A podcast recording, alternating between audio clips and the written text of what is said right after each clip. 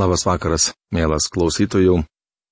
Šiandien toliau keliaujame Biblijos puslapiai senojų testamentų pranašo Izaijo knyga. Praėjusioje laidoje pradėjome, bet nebaigėme nagrinėti 45 skyriaus, kurio tema yra Kyro pašaukimas, jam dar negimus visatos sukūrimas bei Izraelio gyvavimo trukmė.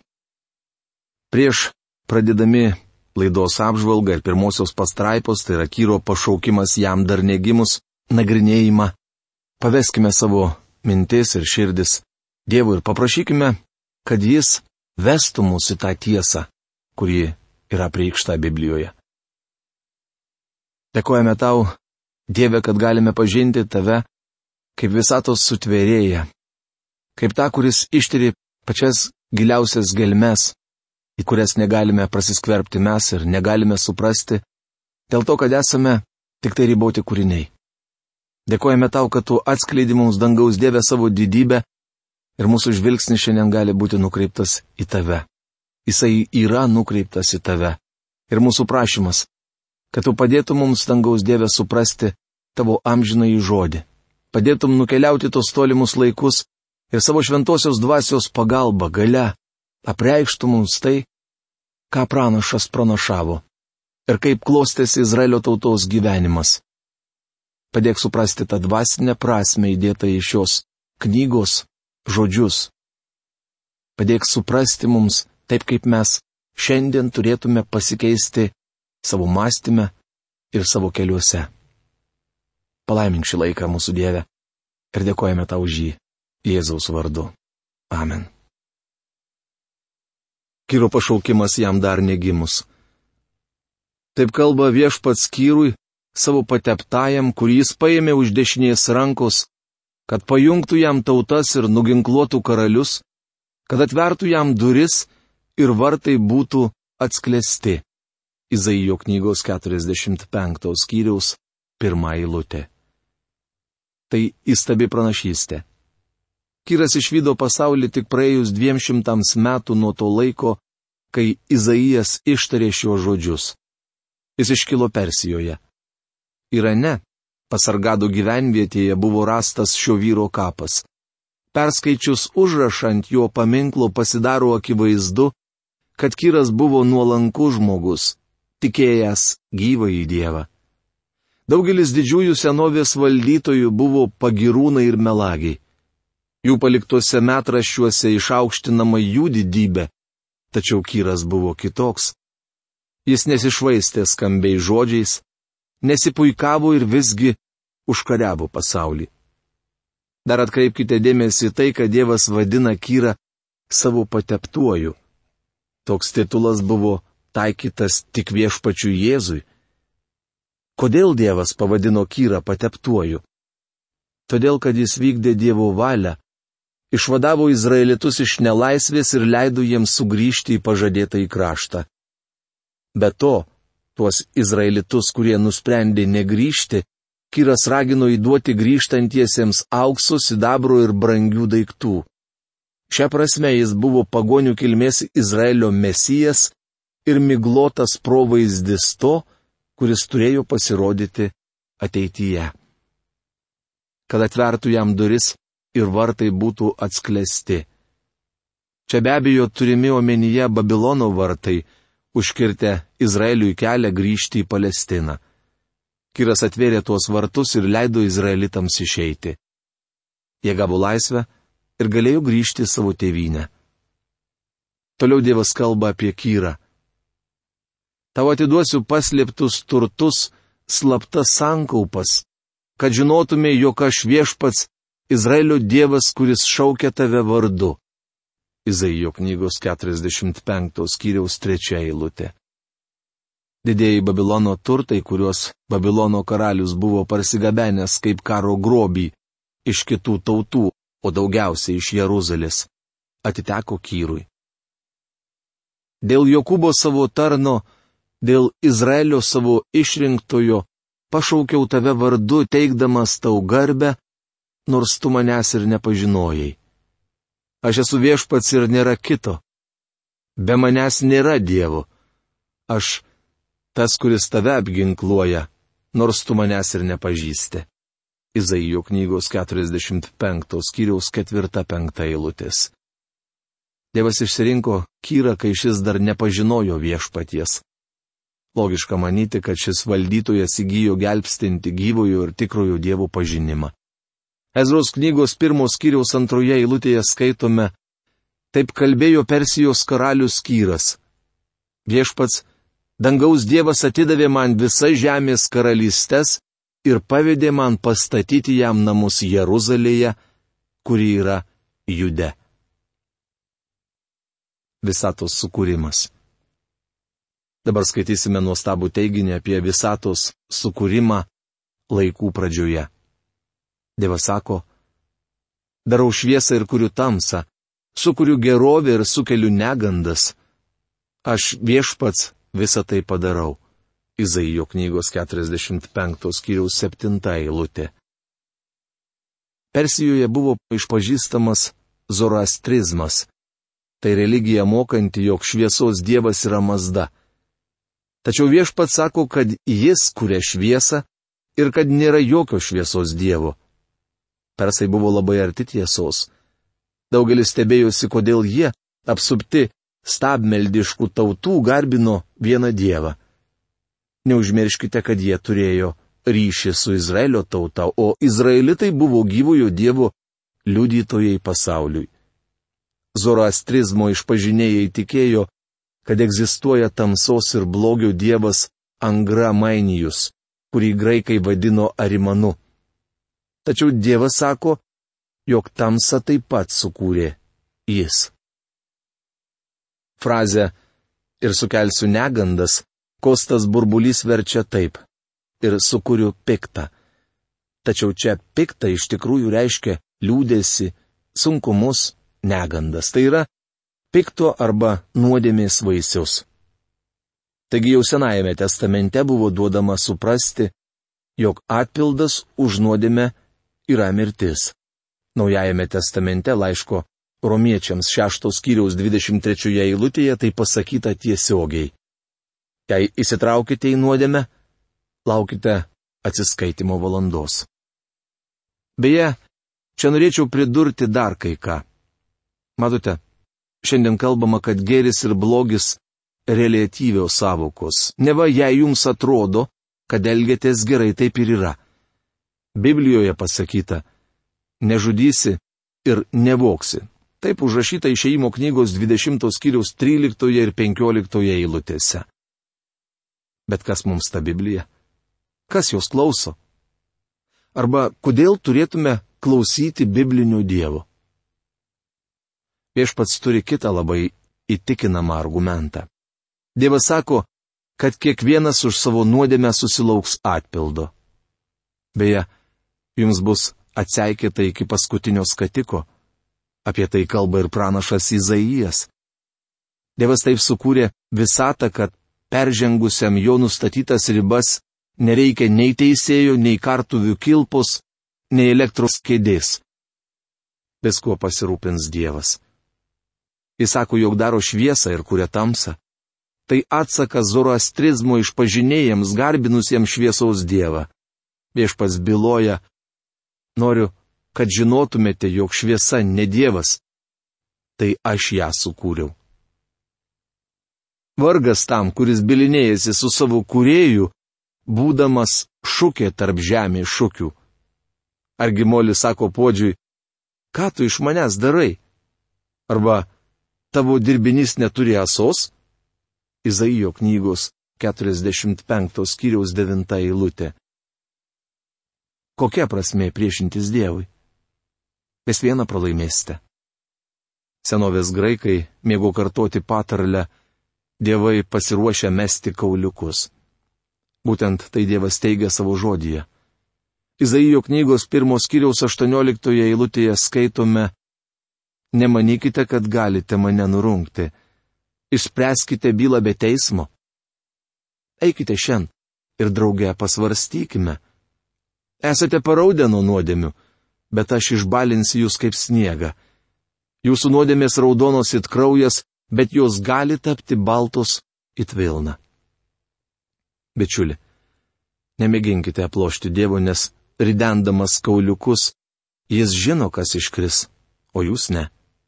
Tai svarbi tiesa. Toliau viešpats sako, aš sukūriau žemę, žmoniją sukūriau žemėje, dangus savo rankomis išskleidžiau, suteikiau darną visoms jų galybėms. Izaijo knygos 45 skyriaus 12 eilutė. Įdomu, kad Dievas sako, jog jis išskleidė dangus. Ir neatsitiktinai. Teorija, kurios šiandien laikosi dauguma astronomų, iškėlė krikščionis Britų astronomas Seras Džeimsas Džinsas. Jis teigia, kad mes gyvename besiplečiančioje visatoje, kuri didėja kiekvieną minutę. Planetos, pasauliai ir galaktikų sistemos nuolat tolsta vieni nuo kitų. Dievas sako, aš išskleidžiau dangus. Tai padarė jis, nors tiksliai nepaaiškino kaip. Jis nepaaiškino, kaip galėjo sukurti kažką iš nieko. Kokios teorijos besilaikytumėte, turite pripažinti, jog kažkada nebuvo nieko ir iš nieko atsirado kažkas. Jei paaiškinsite man, kaip niekas galėjo virsti kažkuo, kalbėsime toliau. Kol to paaiškinti negalite, visos jūsų kalbos apie buožgalvius ir beždžiones man kelia šypseną. Aš skeptikas. Netikiu tuo, ką man pasakojate. Tik Dievas turi logišką atsakymą. Jis teigia, aš visą tai sukūriau. Savo įsakmių žodžiu jis pažadino iš nebūties visatą. Ar turite logiškesnį atsakymą negu tas, kurį Dievas užrašė savo žodyje? Izraelio gyvavimo trukmė. Dabar skaitysime trečią šios skyriaus dalį, kurioje kalbama, jog Izraelis gyvuos visais laikais ir per amžių amžius. Dievas neleidžia mums užmiršti šios temos. Izraeli, tu viešpaties išvaduotas amžinų išganimu gėda ir nemalonė niekada nekris ant jūsų per amžių amžius. Izaijo knygos 45 skyriaus 17 eilutė.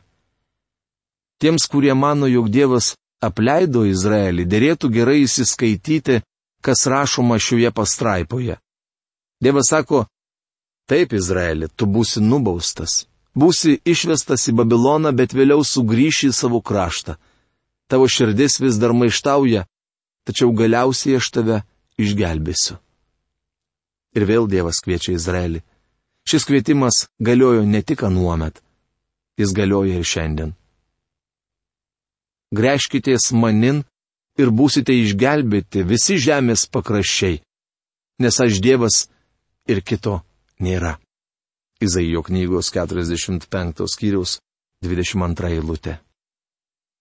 Šią eilutę skelbė neįsimokslinės vyras, kurio dėka buvo išgelbėtas Čarlzas Perdžianas. Vieną sekmadienio rytą, kai Sperdžianas ėjo į bažnyčią, Londone prapliupo baisi liūtis. Matydamas, kad iki savo bažnyčios nenusigaus, pakeliu jis užsuko į kitą mažą bažnytėlę. Audra buvo tokia stipri, kad tos bažnytėlės pamokslininkas negalėjo atvykti į pamaldas kaip ir pats Perdžianas. Pasidalinti keliais padrasinimo žodžiais atsistojo vienas neišsimokslinės vyras. Sperdžinas taip niekada ir nesužinojo jo vardo. Jis pasirinko Izaijo knygos 45 skyriaus 22 eilutę. Kadangi vyrui trūko išsimokslinimo, jis nusprendė pažinimo stoką kompensuoti užsidegimu.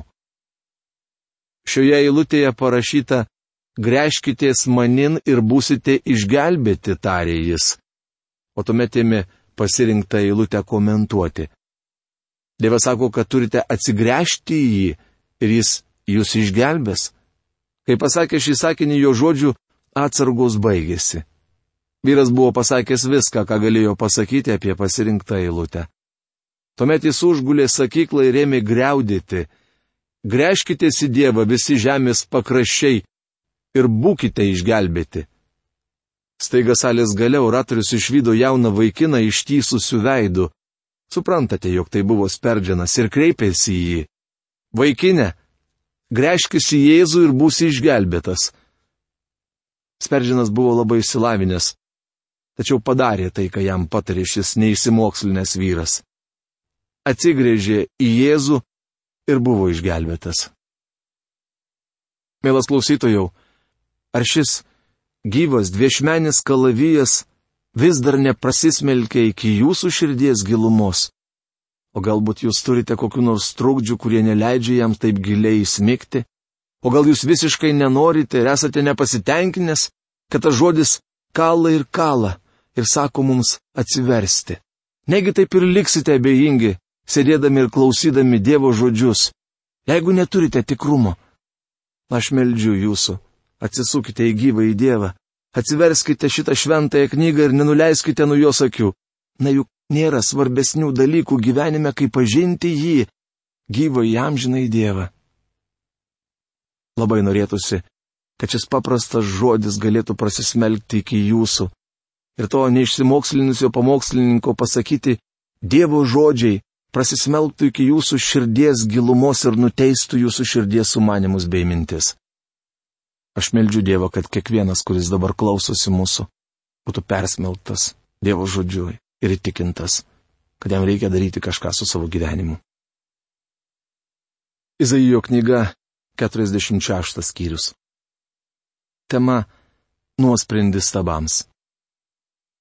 Dabar skaitysime vieną iš geriausių Dievo žodyje esančių satyrų, kurioje išjuokiama stabmeldystė. Šios kiriaus pradžioje pranašaujama apie Babilono stabų sunaikinimą.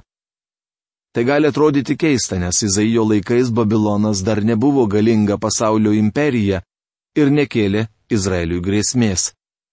Visgi Babilonas buvo visų stabmeldyščių šaltinis. Tad nieko keisto, kad išpranašavęs šios karalystės tabų sunaikinimą, Izaijas smerkia bet kokią stabmeldystę ir ragina Izraelį nenusigręžti nuo tikrojo Dievo. Dievas kelbė nuosprendį stabams. Belis sukniužo, neboja susigūžę. Jų stabai sukrauti ant asilų ir galvijų. Tie, kurie turėtų nešti jūs, dabar kaip naštos kraunami ant nuvargusių gyvulių. Izaijo knygos 46 skyriaus pirmą eilutę. Belis ir Nebojas buvo Babilono dievai. Belis yra sutrumpinta balų vardo forma. Šis žodis sudaro pirmą Belzebubo vardo dalį. Kaip žinote, Belzebubas arba Belzebulas yra vienas iš šėtonų vardų. Nebojas reiškia kalbėtojas arba pranašas. Kai apaštalas Paulius su Barnabu atvyko į Listrą, jo gyventojai Barnabą palaikė Beliu arba Jupiteriu, o Evangeliją skelbiantį Paulių Nebojų arba Merkurijumi. Izaijo laikais stabai buvo susijęs su šetono garbinimu. Beje, šiandien šis reiškinys darosi vis populiaresnis. Dievo žodis nuolat įspėja, kad mūsų kova yra dvasinė. Savo meilę ir galybę Dievas supriešina su stabu, kurie tampa žmogui našta bejėgiškumu. Klausykitės manęs Jokūbo namai. Ir jūs, kas likote gyvi iš Izraelio namų. Nuo pat gimimo esate mano našta. Išlaikiau jūs nuo pat vaikystės. Izaijo knygos 46 skyriaus 3 eilutė. Dievas sako, Izraeli, aš nešiojau tave, kaip moteris iššiose nešioja kūdikį. Liksiu vis tas pats, kai jūs pasensite. Kai jūs pražilsite, nešiosiu ir tada. Aš, tas, kuris nešiojau. Aš, tas, kuris nešios. Aš, tas, kuris jūs neš ir išgelbės. Izaijo knygos 46 skyriaus ketvirta eilutė. Tai geras būdas ištirti, kas yra tikra, o kas ne. Dievas nešioja ne tik Izraelio tautą, Jis nuo gimimo iki mirties nešioja kiekvieną žmogų. Norėčiau jūsų paklausti, ar jūsų religija neša jūs, ar jūs ją? Dievas neša mūsų nuodėmės. Izaijo knygos 53 skyriuje ketvirtoje eilutėje parašyta, tikrai mūsų lygas jis nešė ir mūsų skausmus jis juos užsidėjo, verčia profesorius Algirdas Jurienas. Bet to Dievas neša mūsų rūpešius, Pirmo Petro laiško penktos kiriaus septintoje eilutėje skaitome. Paveskite jam visus savo rūpešius, nes jis jumis rūpinasi. Maža to šiandien Dievas neša ir mus pačius. Pakartoto įstatymo knygos 33 skyriaus 27 eilutėje parašyta, Amžinasis Dievas yra buveinė ir apačioje amžinos rankos. Jis pavarys nuo tavęs priešą ir sakys, sunaikink. Verčia profesorius Algirdas Jurienas. Paklausykite, ką Dievas sako apie stabmeldystę. Su kuo palyginsite mane ir su kuo sulyginsite mane? Arba su kuo sugretinsite mane, kad būtume panašus? Izaijo knygos 46 skyriaus 5 eilutė.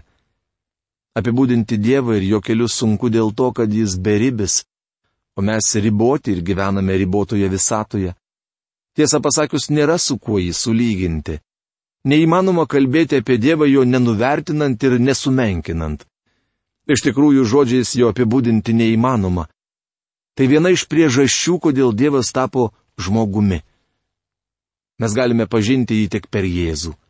Kitaip tariant, Jėzus Kristus apreiškė Dievą. Šiame skyriuje labai taikliai išjuokiama stabmeldystė. Dosnieji iš kapšio išpila auksą, svarstyklėmis atsveria sidabrą ir pasisamdo auksakalį, kad iš to jiems padarytų Dievą, kurį jie garbintų žemėn kniupsti puldami. Izaijo knygos 46 skyriaus 6 eilutė. Čia kalbama apie metalinį atvaizdą, vertingesnį ir gražesnį už medžio drožinį. Norėdamas pasidirbti stabą, žmogus eikvoja savo turtą. Tie, kurie neturi daug pinigų, pasidirba pigų stabą Tuo tarpu turtuolių dievas brangus. Tačiau ir turtingieji, ir neturtingieji garbina žmogaus rankų kūrinį. Toliau kalbama apie tikrąjį ištyrimą. Dedasi ant pečių, nešiojasi visur. Kai pastato į vieton, jis stovi ten sustingęs ir nepajuda iš vietos. Nors jie šaukėsi, vis negali atsiliepti, neišgelbėti jų iš nelaimės. Izaijo knygos 46 skyriaus 7 eilutė. Stabmeldžiai nešiojasi savo dievą ant pečių, o grįžę namo pastato į kampą. Paklausykite, ką sako Dievas. Atminkite, kas buvo anksčiau, senų senais laikais. Aš esu Dievas ir nėra kito. Aš - Dievas. Ir nėra tokio kaip aš. Izaijo knygos 46 skyriaus 9 eilutė. Turime pripažinti, kad šiandien yra daug įvairių modernios stabmeldystės formų. Norėčiau paklausti, ar bažnyčios lankymas duoda jums kokios naudos? Daugeliu krikščionių lankyti bažnyčią yra didelė našta. Tai tarsi nenaudingas Dievas, kurį jie turi nuolat tampyti su savimi. Mano draugė, Dievas nori kalbėti su jumis. Jis turi jums ką pasakyti. Dievui nereikia, kad jūs jį nešiotumėte. Jis nori nešti jūs. Mielas mūsų klausytojau, ar pažįsti tą Dievą? Izraelio Dievą. Galbūt pasakysi, aš nekenčiu žydų. Dėl kokios priežasties? Ar dėl to, kad Dievas sukūręs pasaulį išrinko tautą, į kurios lūpas įdėjo žodžius, kuriuos jinai turėjo, privalėjo nešti. Bet būdama nuodėminga kaip ir mes visi, paliko gyvai Dievą, atsitraukė nuo jo, suklydo, suklupo, ar dėl to tu jos nekenti? Šventasis raštas rašo, jeigu žmogus tik tai atsisuka į Dievą, šydas yra nuimamas nuo jo akių. Jeigu jūs nuoširdžiai, dabar, ten, kur esate, atsisuksite į visagalį Dievą ir nuoširdžiai, iš širdies gilumos ištarsite tuos dalykus, paprašydami, kad Dievas apreikštų save ir padėtų jums pamilti jį, jisai niekada jūsų neapleis ir nepaliks. Jisai niekada nepasakys, kad jūs esate nevertas. Jisai priims, priglaus ir jūs tapsite jo. Sugrįžte iš to paklydimo kaip sunus palaidūnas. Ir niekas, girdite, niekas neturės galios jūsų išplėšti iš jūsų kuriejų rankos. Ar tai nenostabi viltis? Bet ar jūs turite tą viltį? Tai klausimas, į kurį kiekvienas iš jūsų turėtumėte savo atsakyti. Ir Dėkojame Jums už Jūsų laiškus. Ir laukiame jų. Iki greito pasimatymo. Sudė.